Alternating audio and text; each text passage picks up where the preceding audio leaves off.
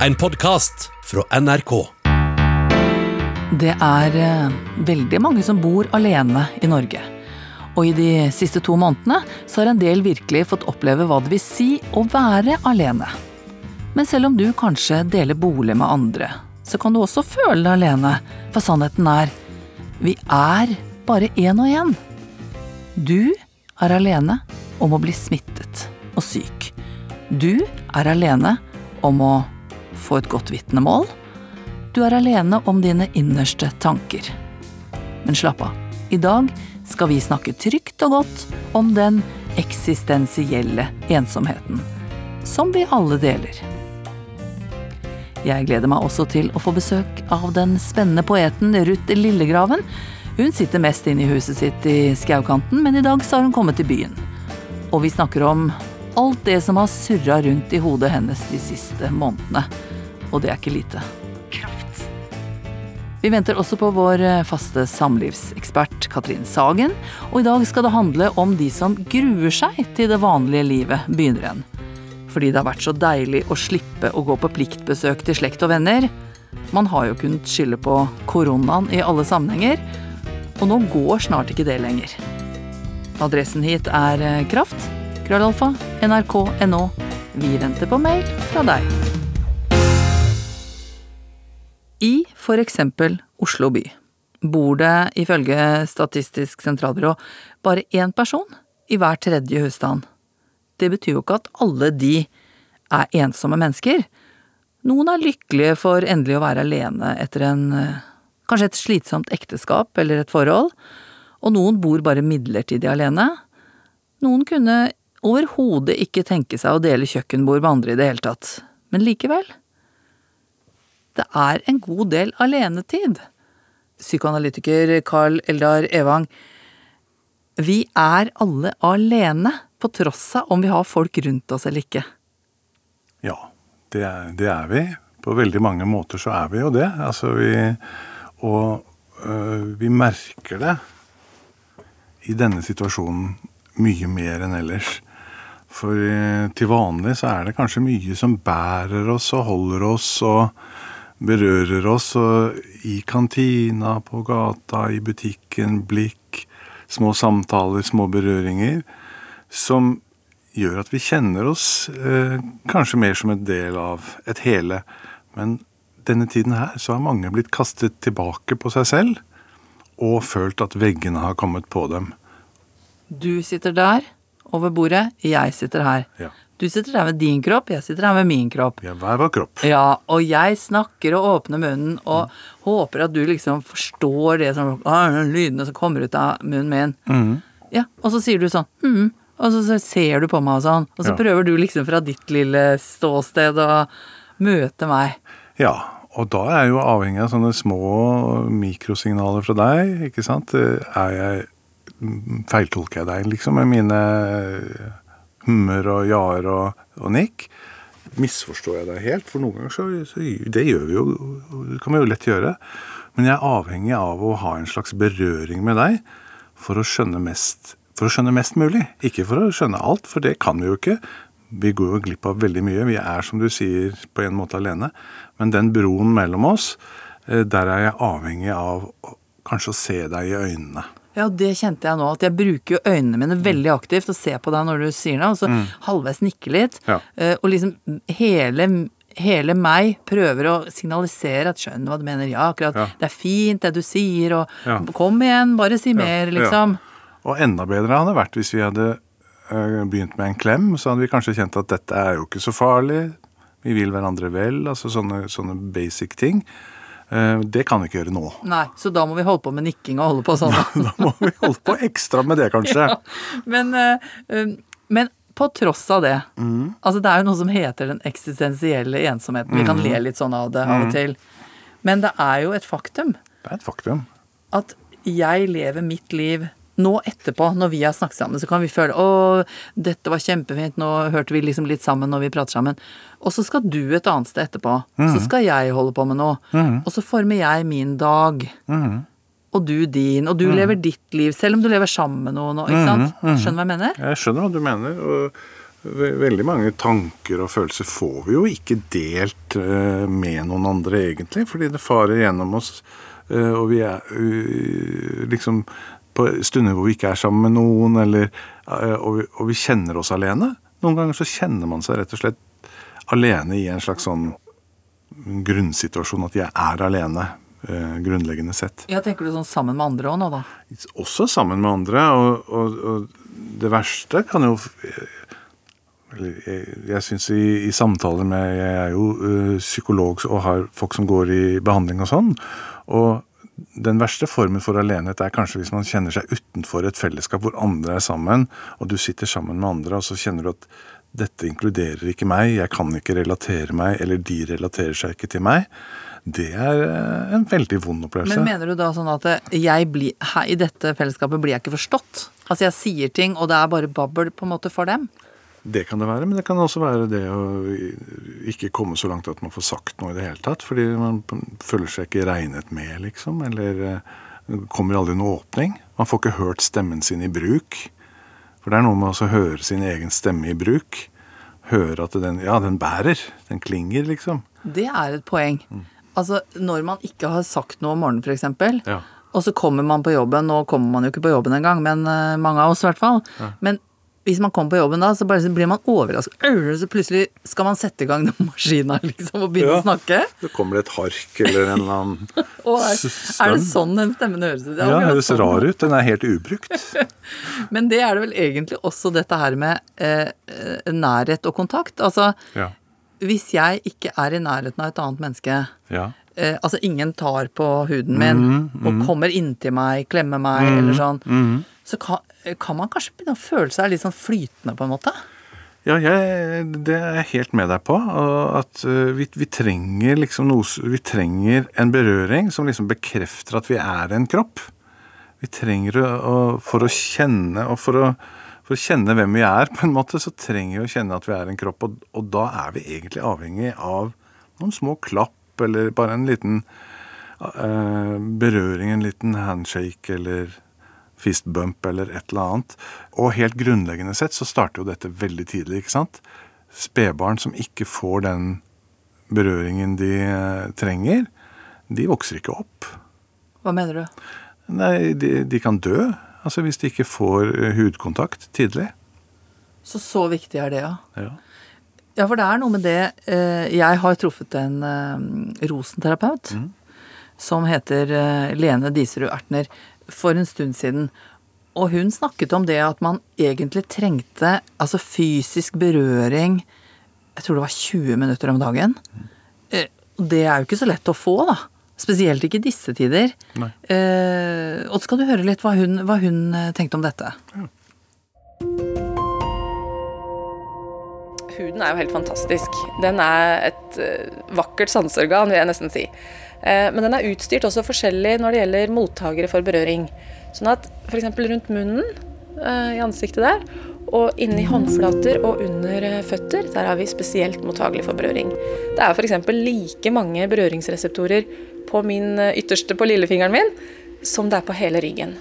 Så det sier jo at hvis jeg gir noen, eller meg sjøl, litt håndmassasje eller fotmassasje, så er jo det et veldig sånn sterkt stimulans. Kontra det å, å f.eks. bli stryket på ryggen, eller få ryggberøring. Ja. Det er mer effektivt rundt munnen og inn i håndflaten. ja, vi kan godt si det sånn. ja, Det blir en større dose på en måte. Ja. Så betyr det da at hvis man er i mangel av øh, andre mennesker som kan berøre en, så kan en rett og slett stryke seg selv inn i hendene?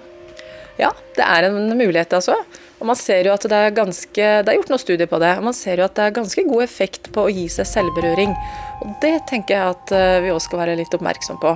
Og da, Jeg pleier ofte å si det til folk som har opplevd noe, eller som trenger å roe seg litt ned, at ja, men gi det en, ta et fotbad, og så smører du inn føttene dine godt, f.eks. Så bruker du møysommelig lang tid på det, eh, og, og det gir viktig, et viktig bidrag da, til berøringen for seg sjøl. Eller smøre inn hendene. Og så ikke bare gjøre det for at man ikke skal bli tørr, men rett og slett tenke at dette er faktisk et bidrag til nærhet. Å ta et fotbad og smøre inn beina og armene sine. Har du hørt om dette før? At det kan være bra mentalt sett? Ja, i hvert fall så syns jeg det var, gir veldig god mening.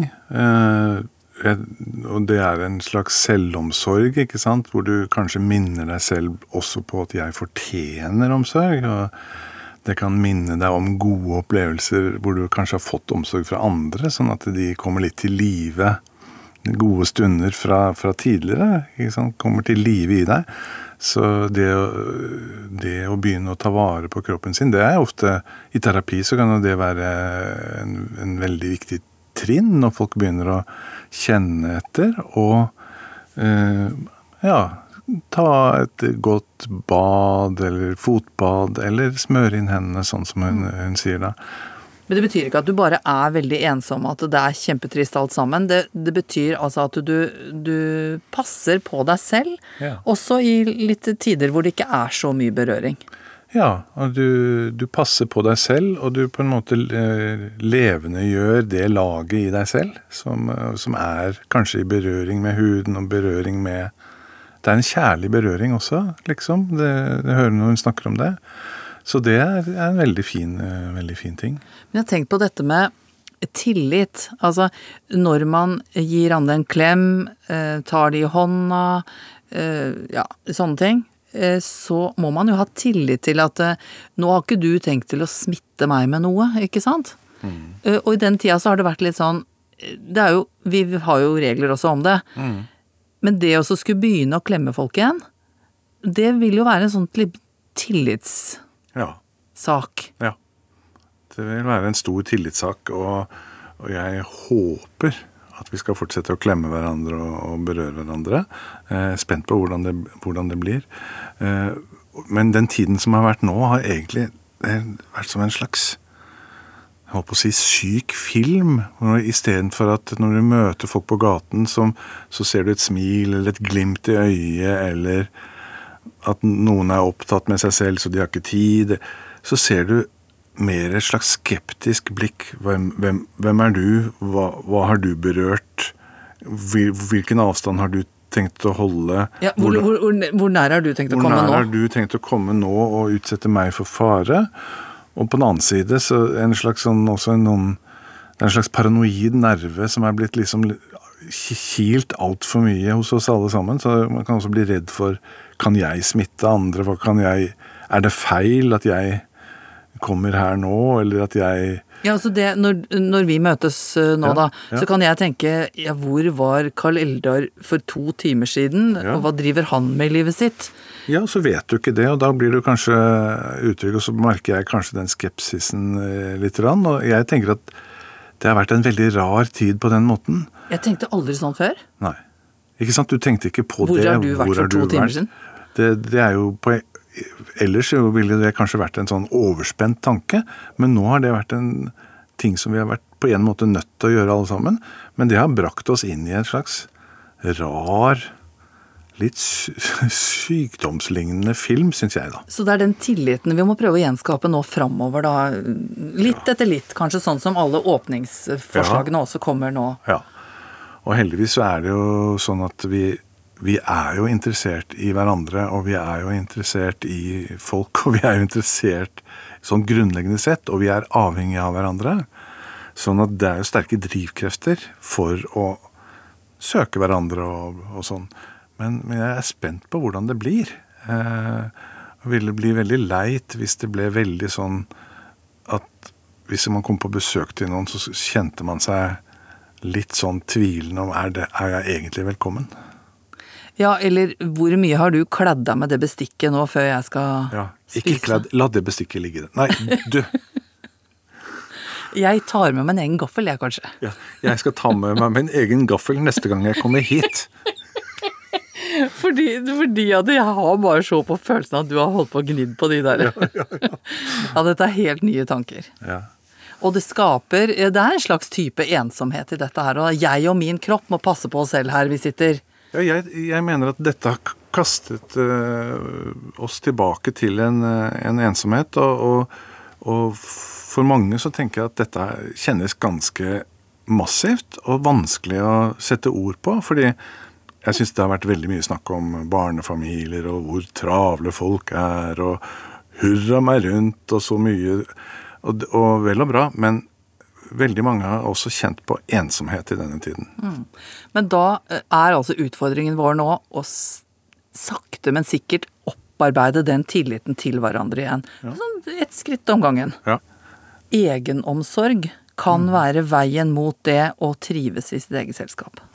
Egenomsorg er en god ting i seg selv. Og så, så vil jeg jo si at det er ikke alltid man får det til. At det kan være, ikke sant, man kan være deppa og syns at dette Nei, dette klinger ikke for meg. Så dette, dette er liksom litt sånn leting kanskje i seg selv etter hva som kan være som kan være godt for akkurat meg.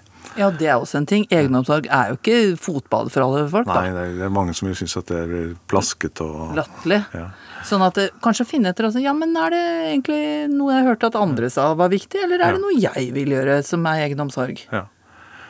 Og så er det jo kanskje Hvordan kan man minne seg på at eh, det fins folk som er glad igjen? Det er et vanskelig, det er en vanskelig ting. For det, vi trenger å bli minnet på det. Det er noe med det at vi mister det litt av syne når vi kan miste det litt av syne når vi ikke treffer folk hver dag. Og det er også en del av egenomsorgen nå, da. Det er en egenomsorg å minne seg på at man er del av et fellesskap, ikke, og ikke bare mutters aleine. Det er jo så enkelt som det, Karl Eldar Evang. Sammen er vi mindre alene. Ja. Absolutt. Vi kan være sammen med andre også inni oss, selv om det er- kan være en krevende øvelse. Takk skal du ha. Takk skal du ha.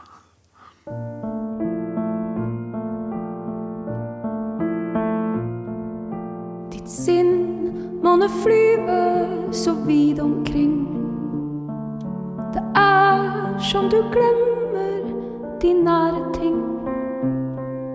Det er som du aldri en time har fred. Du lengter bestandig et annet sted.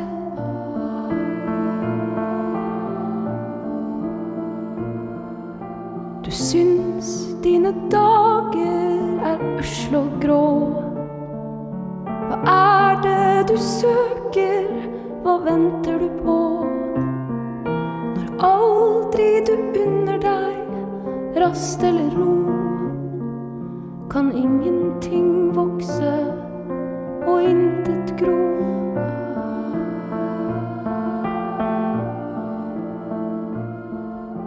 Gå inn i din stue, hvor liten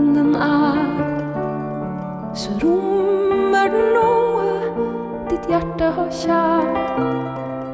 På ropet i skogen skal ingen få svar. Finn veien tilbake til det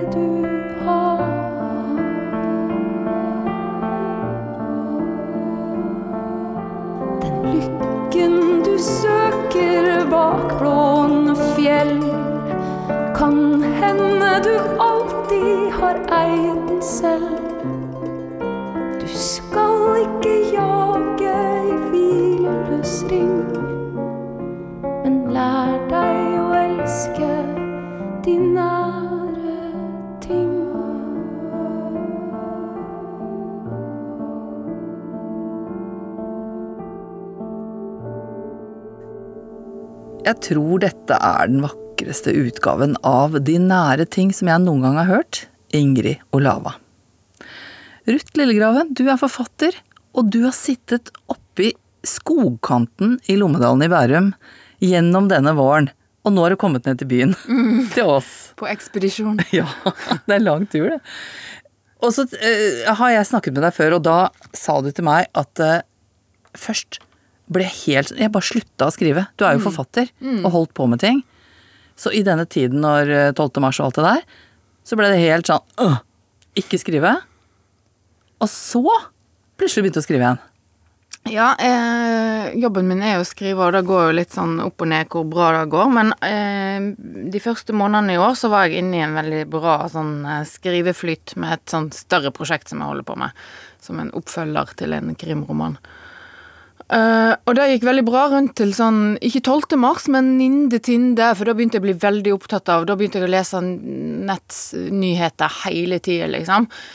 Og torsdag 12. mars så satt jeg bare og fulgte med på livesendingene på vg.no og sånn. Uh, og det var den siste dagen jeg hadde alene da på lenge, og jeg skjønte det, og likevel så klarte jeg ikke å gjøre noe annet enn å følge med på disse her nyhetene. Så krim fikk være krim, liksom. Ja, ikke sant. Det var plutselig helt irrelevant uh, oppi denne sammenhengen. Og så kom jo guttene mine hjem fra skolen. Jeg har to andreklassinger. De kom hjem med tunge sekker, for de var jo sendt hjem med alle skolebøkene sine. og jeg skjønte liksom alvoret. Nå skal de være hjemme framover på ubegrensa tid, og jeg skal liksom være læreren deres. Eh, og fikk først litt panikk, òg ved tanken på å ha mannen min hjemme hele dagen plutselig, for han skulle jo ha hjemmekontor. Jeg er jo vant til å ha dagene helt for meg sjøl. Så han kom jo med greiene sine, han òg. Ja, omtrent, liksom. Eh, Ja, eh, og så eh, Og det, eh, ganske snart så fant jeg ut at ok, men jeg kan bare gi opp og få jobba noe oppi dette her. Så den der fine skriveflyten den bare forsvant, og så, så ble jeg en sånn der heimeskulder, heimeskolelærer som gikk rundt og lagde varm lunsj og forsøkte å rydde, og da var liksom Så tenkte jeg at skrivingen den tar jeg opp igjen når dette er over. Iallfall når guttene mine er tilbake på skolen igjen. Men så etter en måneds tid, eller iallfall noen uker med det, så, så begynte jeg bare å skrive på noe helt annet enn det jeg egentlig holdt på med. Som bare oppsto ut av det blå, liksom. Og sånt skjer nesten aldri lenger, så det var jo veldig gøy, da. Oh ja, så, så ofte så er det sånn at du må ta deg litt i nakken og sier ja, nå holder vi på med en eh, krimroman, og nå er Ja. klokken halv ni, nå begynner jeg. For jeg, for jeg har jo prosjekter jeg holder på med, og folk som venter på ting, og gjerne begynner å bli litt utålmodige, eller Så det er jo som på andre arbeidsplasser for så vidt, at en har prosjekt og, og med frister og sånn, så ofte så er det jo litt sånn mild grad av tvang. Iallfall til en kommer inn i ting. Nå må jeg sette meg ned og gjøre det der. Eh, Men så, dette her var kanskje en opplevelse sånn som du hadde for veldig mange år siden når du begynte å skrive, da? Er sånn, Eksakt. Jeg har tenkt at det der tror jeg nesten ikke har skjedd siden jeg skrev eh, Store stygge dikt for eh, 15 år siden, liksom. Som kom ut i 2005. Mm. at det er noe som presser innenfra, på en måte? Ja, på en måte, ja. Ja, hva var, du, hva var det som pressa på? Nei, altså på, for det første så skjedde det jo plutselig veldig lite rundt meg. Eller verden blei veldig liten. Den blei liksom huset mitt og, og kjernefamilien min. Um, og det er jo fint, da, men da får en jo litt god tid på en måte til å, til å kjede seg og til å tenke. Og det er på en måte har alltid vært produktivt for meg, tror jeg. Hvis det skjer for masse, jeg flyr fra avtale til avtale og, og stadig får nye inntrykk og det hele tiden skjer noe, da klarer jeg på en måte ikke å bli rolig nok i hodet mitt til å skrive. Så egentlig så var jo dette ironisk nok, tror jeg, en ganske gunstig skrivesituasjon for meg, sjøl med, med unger som lå i sofaen og liksom skulle gjøre skolearbeid og ja. Så det tomrommet, eller den kjedeligheten, den skapte et trøkk inni deg. Ja, kombinert med at det liksom øh, jo er en personlig, men først og fremst øh, universell unntakstilstand. Eh, det er jo Det er jo noe jeg aldri har opplevd i mitt liv før, og, og en unntakstilstand i Norge som som ikke ligner på noen ting eh, i vår levetid. Eh, og, og det er jo på en måte Det skaper jo masse tanker og masse eh, frykt og masse refleksjoner som Det gir en jo på en måte Ja, da er jeg òg med på å skape et sånn indre trykk, da. Det som jeg syns er litt, jeg må nesten si gøyalt med denne tiden, er at eh, plutselig så kommer vi i gang med dette programmet her. Det er noe som skjer i en sånn tid. Og så skriver du ting som bare må trøkkes ut. Og så har du lovt meg jeg skal ta med meg noe ark og noe greier. Altså dette er uferdige ting. Ja, det er virkelig... så begynner du Altså jeg har, har utfordra deg på å si kan du lese litt halvferdige ting på, på lufta? Det syns jeg er en sånn derre eh, Jeg syns det er en sånn fin ting med denne tida. Ja, Kan være litt i prosess sammen. ikke sant? Ja. Det er veldig sjelden jeg leser helt sånn eh, uferdige ting for noen som helst, og særlig på radioen, men jeg kan prøve. Jeg føler meg veldig beæret. Les litt grann nå av det du har skrevet. Tida går fortere, tida går seinere. Tida står til heving på kjøkkenbenken. Tida ligger i kjøleskapet, størkner til en hard liten klump ingen lenger kan sjå hva er. Tida samler seg i hauger bak sofaen, ligger der og muterer. Tida løser seg opp, forsvinner ned i sluket. Forsvinner ned i sluket, rett og slett. Jeg føler at du snakker om en sånn tidsforståelse som er liksom ute og flyter. Ja, da tror jeg den er for både meg og veldig mange andre, egentlig, at på en måte så kjennes det ut som alt går veldig sakte, for det skjer så lite. På en måte så kjennes det ut som ting går veldig fort.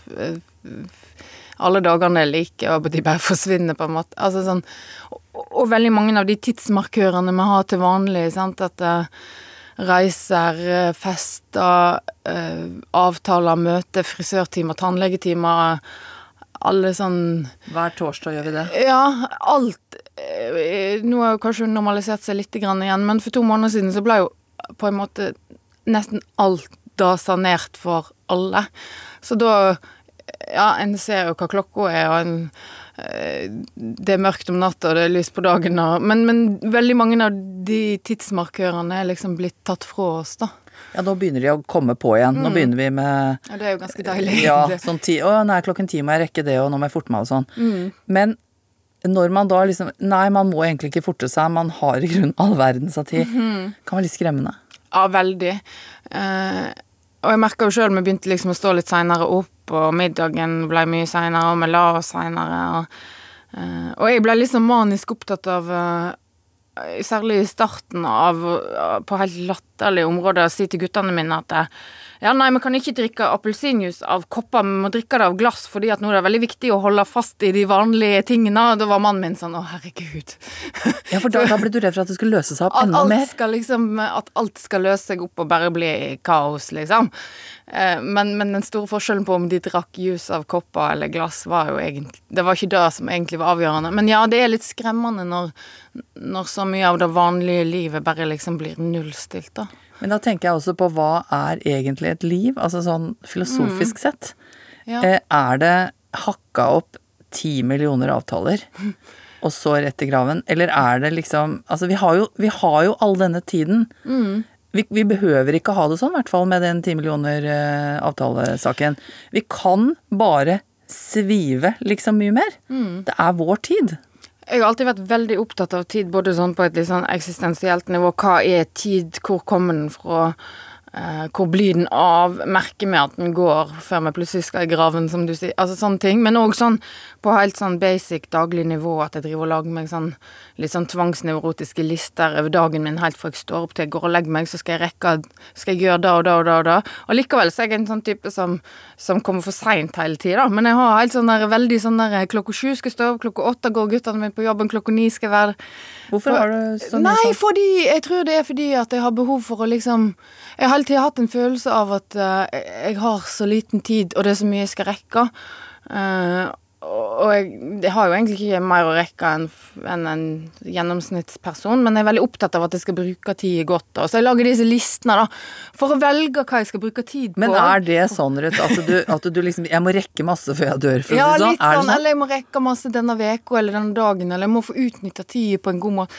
Altså fordi, og, og alle disse her litt sånn tvangsnevrotiske tankene fikk det på en måte litt bedre når når, eh, når eh, ting for to måneder siden ble så innskrenka, da. For det var litt færre muligheter, og, og ja, rommet for hva som var mulig, var så lite at jeg måtte bare prioritere innad i vår lille kjernefamilie og vårt lille område. og Det ble plutselig masse ting som uansett ikke var aktuelt, som jeg slapp å tenke på om jeg burde bruke tid på eller ei. Jeg har tenkt på det med eh, tiden Altså, eh, når jeg har gått i skauen i den tida, så før så gikk jeg da eh, Visste jeg hvor jeg skulle. Så gikk jeg den turen. Jeg skal dit, og så rundt sånn, så tilbake igjen til bilen. Men nå så har jeg lagt merke til at jeg kan gå liksom altså, Kanskje du skulle prøve den stien opp der. For jeg lurer på Jeg har tenkt noen gang på at den kunne kanskje være gå dit, og så videre. Ikke sant? Sånne The nye road steder. not taken. Yes. Og, og, da, eh, og da har jeg faktisk eh, sagt til meg sjøl Jeg har jo slikt å gjøre. Eller den jeg har gått tur sammen med, så har jeg sagt vi har jo slikt å gjøre. Ja, ikke sant? og det Det er ikke noe som oftere. haster så veldig, liksom. En har faktisk mulighet til å bare rote seg bort uten at For det er jo gjerne ingen avtale som venter på deg i andre enden. Nei, og for denne tiden her så, så har vi hatt slikt å gjøre. Mm. Vi har ikke hatt så mye annet å gjøre. Og det har vært en deilig opplevelse. Helt enig. Jeg har liksom følelsen av at det er mindre som, som haster, og at en på en måte har, har litt mer tid, da.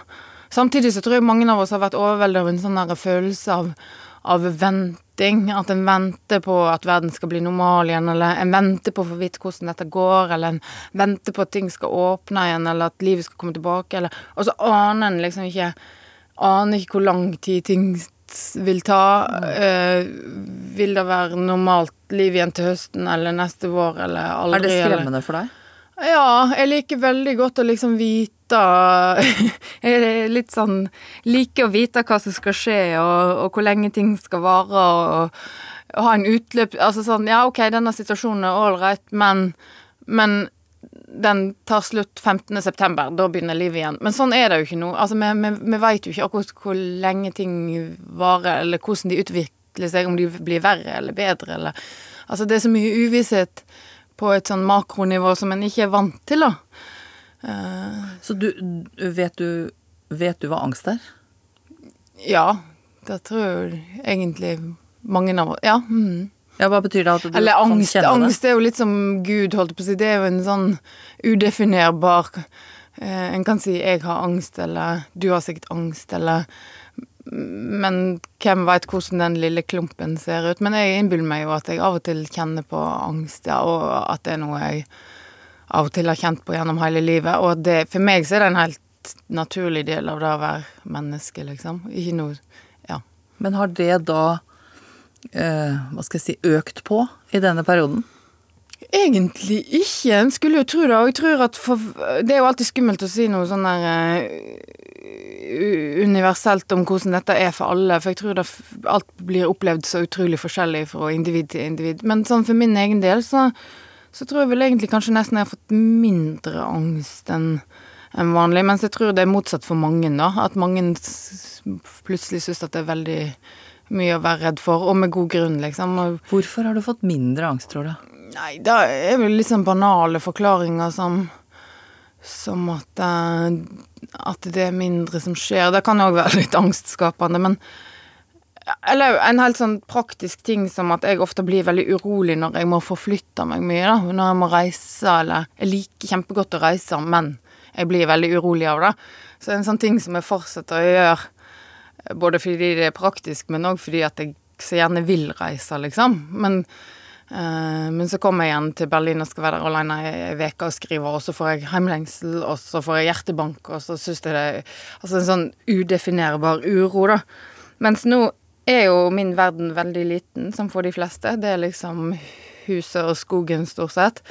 Men det er én ting, men kan det Bare prøve meg på en ting. Kan det være også det at du har, hvis du har hatt en del angst, at du er at du har trent den muskelen litt i å være litt redd? Ja, det tror jeg nå- jo absolutt. No, En del folk har jo ingen angst og går da ikke rundt og er redd for noe til vanlig, og får kanskje sjokk når de plutselig har mye å være redd for. Mens min normaltilstand er å gå rundt og være litt redd uten å vite hvorfor. Så ja, jeg tror på en måte at jeg er trent til, og kanskje noe beroligende på en måte ved at nå går jo veldig mange rundt og er redd og bekymra, og det er en sånn felles opplevelse. Mens vanligvis så går en jo gjerne rundt med sin egen bitte lille eh, angst som ingen andre kan se eller skjønne, liksom. Ja, så, så plutselig nå har liksom folk rundt deg Du ser liksom Oi, hun er litt engstelig, han er litt Mm. Og da blir du litt sånn garva, på en måte. Ja, og samtidig som at angst er jo ofte ikke spesielt rasjonelt, sant. Så det er jo ikke nødvendigvis at en kjenner mye angst når en faktisk har god grunn til å gjøre det. Eh, kanskje skjerper en seg da, eh, mens en, når alt er fint og burde være fint, går rundt og føler på en masse ullen angst som en ikke aner hva er for Altså, ja. Angst nå er en rar ting. Kan det være det at det er litt deilig, nå vet du hva du skal være redd for, liksom? Ja, ikke sant. En får noe annet, noe som er større enn sin egen lille hjerne å konsentrere seg om. Nå er det jo det er vanskelige tider for mange rundt en, det er vanskelige tider for samfunnet, det er vanskelige tider for verden. Og liksom, ja, så kanskje ens egen eh, eh, nevrotiske hjerne får hvilt litt. Ja, for nå er det noen konkrete Ikke sant? greier. Ja, nå må en forholde seg til dette, og da har ikke en tid til å det, det er sikkert mange forklaringer. Men, men det er som du sier, noen får det sånn, og noen får det verre. Ikke sant? Det er veldig masse folk som sitter rundt og, og har det helt pyton og av Ja. Det er kjempegøy å høre at det er den varianten for deg. Ja, ja for, men sant, for de fleste av oss går det jo litt sånn fra dag til dag, og, altså sånn, og vi forandrer oss hele tiden i løpet av, eh, av denne prosessen, så Du, det var utrolig hyggelig at du kom til oss. det var hyggelig å komme hit. Ja, og nå har jeg lyst til at vi skal avslutte med at du leser litt mer av dine halvveisting som du driver med nå. Ja, det her lille utdraget starter med at jeg eh, møter en frisør som har salong under der jeg har eh, kontor til vanlig, da. For å unngå dråpesmitte må hun teie helt stille når hun står bak kundene og vasker hår. Det har hun lært på smittevernkurs. Bakkhus går konkurs, Warners går konkurs. Norwegian blir redda, iskanten blir flytta, Y-blokka blir reven. P.O. Enquist dør. Det er vemodig.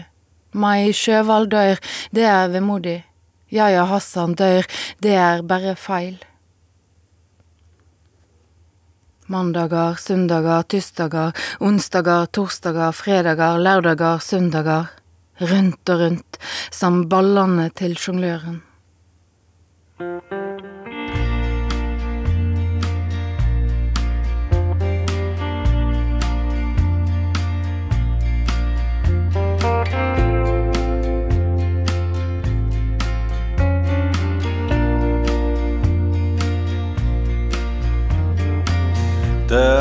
En dag og kviskre.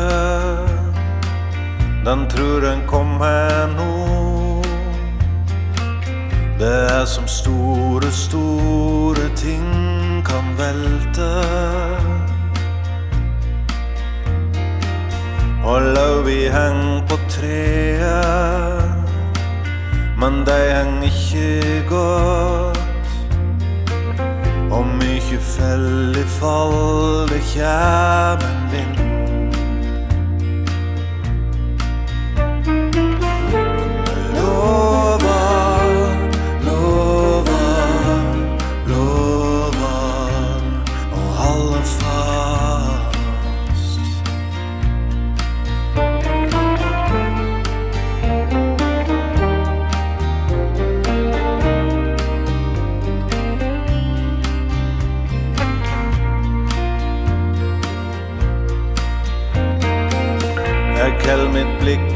Bakken og store, trygge tre.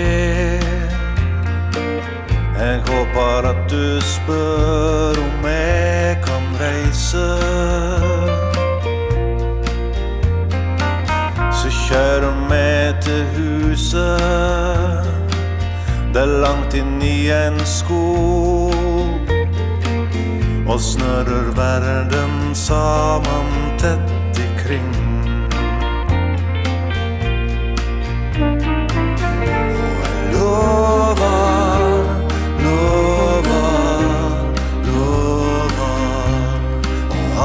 holde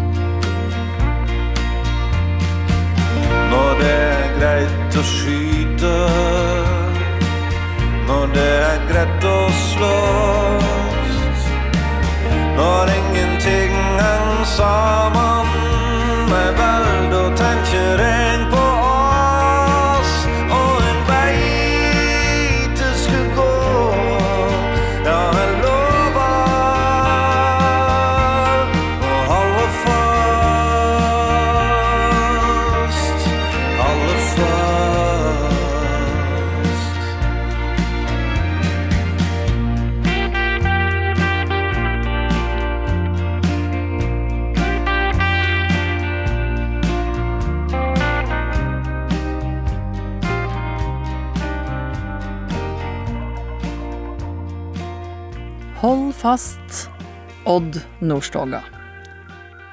Velkommen til deg, Katrin Sagen. Takk. Vår faste samlivsekspert her. Først så vil jeg begynne med e-postadressen. Det er kraft.krøllalfa.nrk.no, og vi vil gjerne ha mailer fra deg. Og du har noe som du vil dele med oss nå, Katrine. Ja, vi har fått, eh, skal vi se, noe her. Her er det en mail fra en kvinne som sier det er mye snakk om at lockdown er krevende, men hos oss har det faktisk hatt motsatt effekt. Vi har opplevd en ny nærhet og hatt mange gode stunder i paret og i familien. Jeg er takknemlig for denne pustestunden, men jeg er litt redd for å gå tilbake til hverdagen. Tenker vi har vært fanget av mye stress. Eh, Hvordan beholde nå den lave pulsen, overskuddet og roen? Vi må jo begynne å jobbe, og barna må jo på skolen. Her har vi altså en motsatt historie. Ja. Det er noen som har hatt det fint i denne tida, og som har opplevd en, en virkelighet de nesten ikke visste fantes. Nettopp, sant. Så det er noe med den der eh, at det har blitt en boble med det andre høres ut som det stresset som var liksom hverdagen før, at hun er redd for å skulle gå tilbake til det. Ofte så er vi jo vant til, og vi har jo fått eh, mange mailer om det, at eh, dette har vært en kjempekrevende tid og vanskelig i familien og alt mulig sånn, men her, her hører vi altså det helt motsatte. Sant? Og det, det er litt flere som melder det, at det kjennes som vemodig og eh, at det, det er et eller annet man har blitt vant til. Det er noe med den krisen liksom, som blir liksom, binder jo sammen nå, ikke sant? Og så skal det løsne opp, og hvordan, hvordan skal det bli da? Og alle overganger er jo litt vanskelige, egentlig. Til og med dette kan altså være vanskelig for noen. Men eh, betyr det, Katrine, at disse hun som har skrevet inn til oss, eh, rett og slett ikke var helt klar over på en måte hvor stressende livet var på forhånd, kanskje? Mm, kan høres litt sånn ut, sant? Og at nå er tiden inne for å bruke den her. Nå har vi vært i en, altså, en unntakstilstand, ikke sant? Og så vet vi at på en eller annen måte så skal den avsluttes, og så skal vi begynne på den nye tiden, er sant? Så nå skal vi jo forberede oss på det. Vi gjør jo det sakte, men sikkert, ikke sant? Men hva er det jeg vil ha med meg av det her jeg har opplevd i unntakstilstand? Det er jo det spennende. Det er det vi kan bruke dette til på en eller annen måte. Er det noe man kan ta med seg, da? Her høres det ut som at hun er nødt til å tenke seg om hva er det som, hva konkret er det som har gjort så godt i denne fasen her, og hva av det kanskje rett og slett er mine kjerneverdier som jeg har lyst til å ha med meg. Sant? Noe med den roen, noe med eh, sikkert noen rutiner de har lagt opp, kanskje er de rett og slett eh, eh, mer spiser sammen, kanskje alle sammen, som kanskje har vært vanskelig når man er på jobb, og noen skal på trening, og det er aktivitet, og det er mye sånn press. Og det, så nå er tiden inne til å prøve å finne ut er det noe vi er nødt til å sløyfe av de tingene vi har holdt på med før. Men det er ikke lett, vet du. Nei. Nå kommer det sånne ting på mail. Fotballen starter, og dere kan møte opp et kvarter før og må være ferdig trent, og jeg syns jeg ser det for meg. Så det, det er ikke så lett å holde og bare dra på det brekket og si at nå har vi hatt et nytt liv. Det er vanskelig, og det er den hun kjenner på. Ja. Sånt. Så jeg skjønner det så godt. Men den å virkelig bruke litt tiden nå, og tenke hva er det jeg liker, hvorfor trenger jeg prioritere det, be mannen om å gjøre det samme, og så ha en skikkelig sånn samtale om hva, hva er våre holdepunkter eller stolper, eller hva man vil kalle det for, som vi vil beholde som er viktig for oss.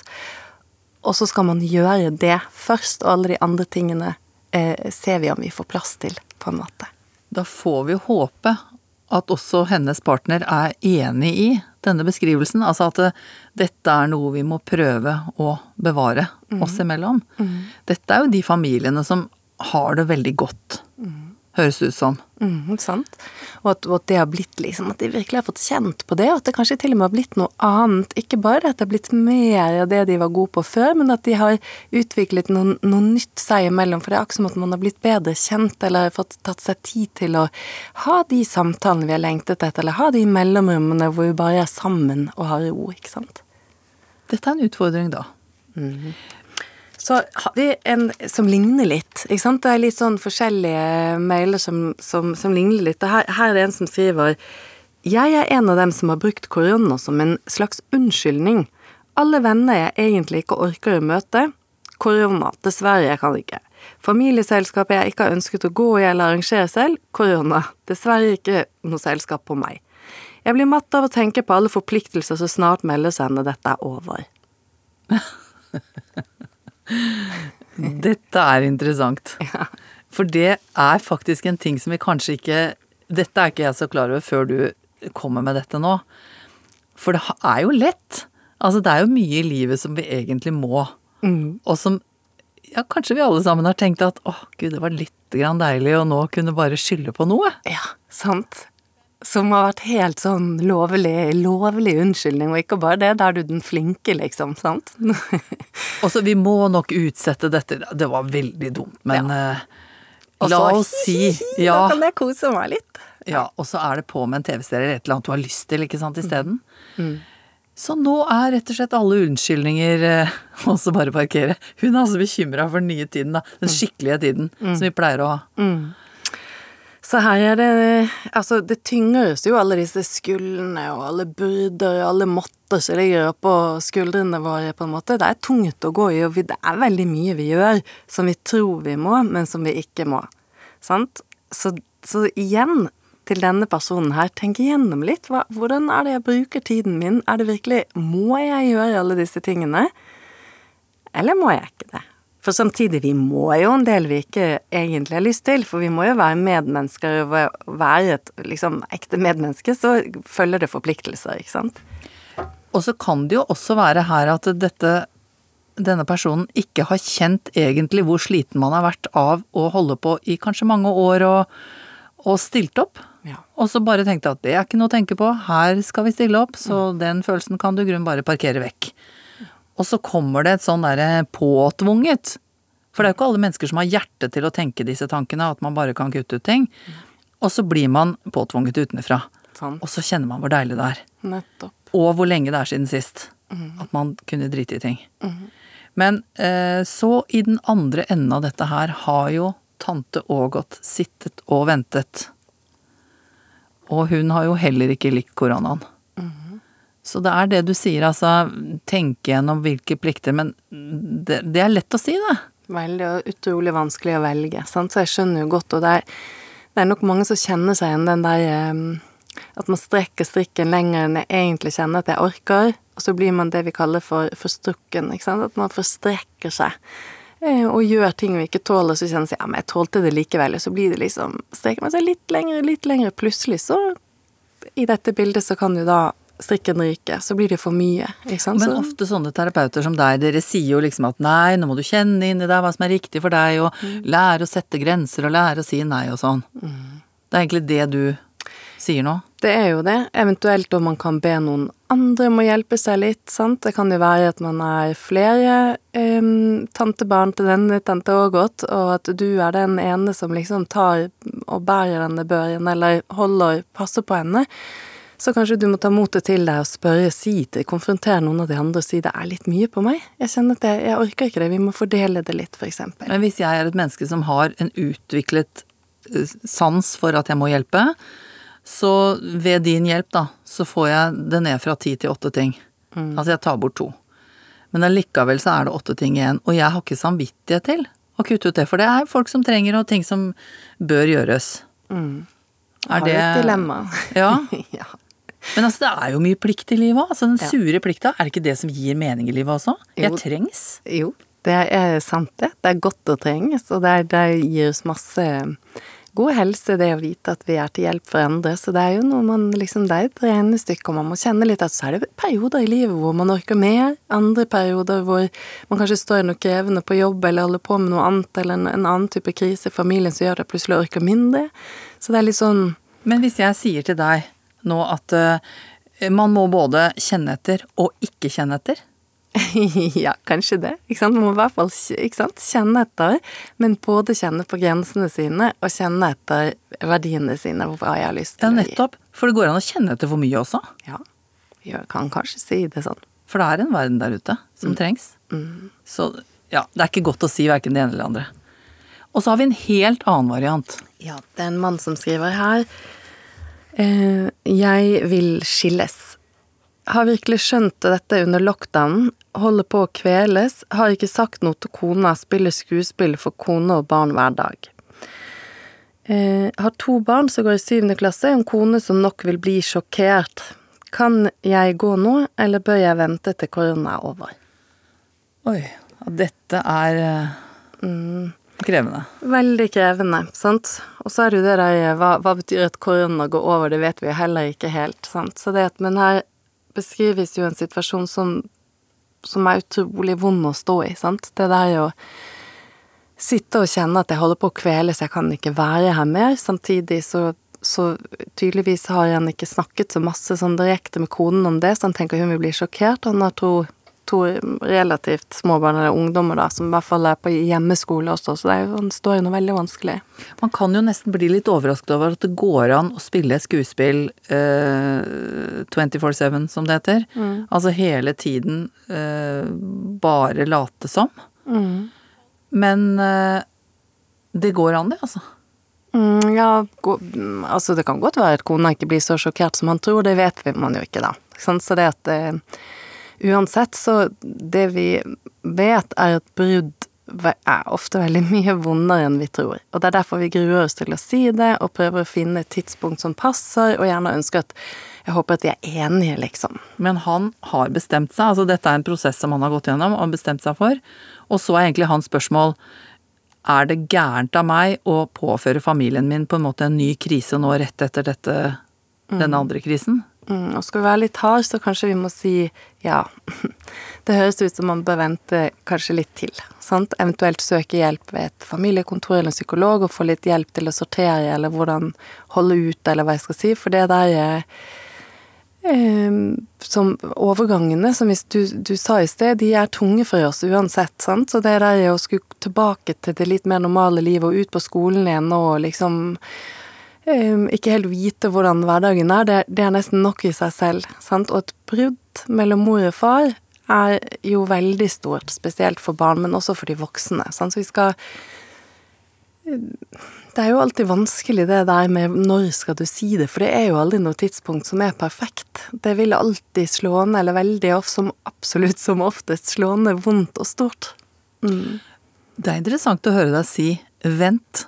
Det sitter litt langt inne for en samlivsterapeut å si det, gjør det ikke det? Jo, jeg syns jo det, for jeg skjønner at eh, Altså, jeg vil jo, akkurat som du sier, jeg, jeg ønsker jo at han skal åpne prosessen sånn at den kanskje at den blir mer felles for han og kona, at det er mulig, og kanskje han, føler han seg veldig sikker, men samtidig så vet han ikke hvordan det lander hos henne når hun får vite om det. Kanskje er det ting hun som, altså det vil bevege henne kanskje i en retning hvor hun sier ja, men jeg har jo forsømt eller jeg har tatt deg for gitt, eller hva det skulle være. Jeg vet jo ikke hva, han, hva som er, er grunnen til at han vil gå, men plutselig så ser vi jo at par endrer seg eh, når eh, bruddet blir et faktum, og så i prosessen så så i bruddprosessen, eller hva jeg skal si, så er det som at et nytt par oppstår, og så blir det ikke brudd likevel.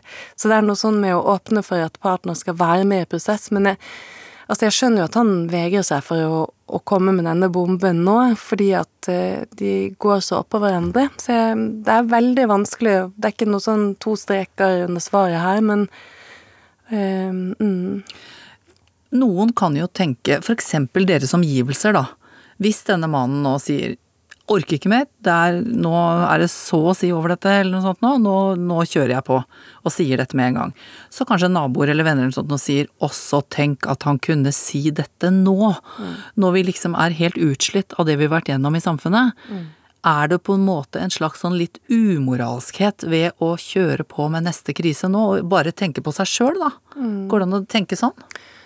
Kan kanskje tenke sånn, og det kan jo se sånn ut, og det er jo forståelig at man kan gå dit eh, og på en måte mm, se, han igjen, se handlingene hans gjennom det filteret. Samtidig så er det noe sånn, han høres jo også ut som en mann som um, jeg har holdt meg, og nå orker jeg ikke mer. Han har liksom håpet Han har jo sikkert vært i prosess en stund og håpet du skulle gå over, kanskje endret småting for å prøve å liksom fikse det, sant. Eh, og så bare til slutt så kjennes det som at jeg overlever ikke hvis jeg ikke gjør noen ting. Sant? Og det er jo også beskrivelsen mange bruker sånne type metaforer. Jeg får ikke puste, jeg holder på å dø. Ikke sant? Eh, Fordi at det kjennes rett og slett så vondt å være inni det huset eller sammen med den partneren. Så det er jo viktig å lytte etter det også. Man kan jo ikke bare holde ut og holde ut og holde ut. Det er også usunt, ikke sant? Kan vi si det, Katrin, at vi rett og slett vet litt lite om han ikke får puste mer? Altså om han må, eller om han har lyst, holdt jeg på å si. Mm. Og så syns jeg han skal gå og snakke med noen om det, for det hjelper veldig å få sortert det sammen med en som eventuelt jobber med Altså en på familievernkontoret, for eksempel. For å få litt hjelp til å sortere hvordan gjør jeg det, hvordan kan jeg si det, hvordan kan jeg åpne en samtale med min kone om dette. Ja, for det går an å si akkurat problemet, og si skal jeg gjøre det nå, eller skal jeg gjøre det om en stund? Hva syns du er riktig? Ja. Få hjelp av andre, det har vi ikke snakket så mye om her, men det er jo faktisk utrolig viktig i alle sånne prosesser med relasjoner. Ja, det er det. Da gjentar vi adressen kraft.krøllalfa.nrk.no. nrk.no. Takk for at du kom også i dag. Jeg vet nesten ikke om jeg tør å si dette. Men kan det hende at vi har fått gitt våre ungdommer en gave denne våren? Det snakkes jo mye om at det, ikke blir ordentlig russ, at de ikke får sommerjobber, at de ikke får henge i parken som de vil, dra på festivaler, kysse og klemme som de vil. Den unge generasjonen har blitt elsket fram av foreldrene som har kjørt dem og lagt til rette for dem, og nå har de måttet lære ting på den tøffe måten. Etter denne tiden vet de hva det betyr å ikke få lov. Hva det vil si å måtte være med på dugnad, og hvordan det føles å ofre seg. Vi har gjort en hel generasjon modne for livets nedturer. Og det er ikke dårlig.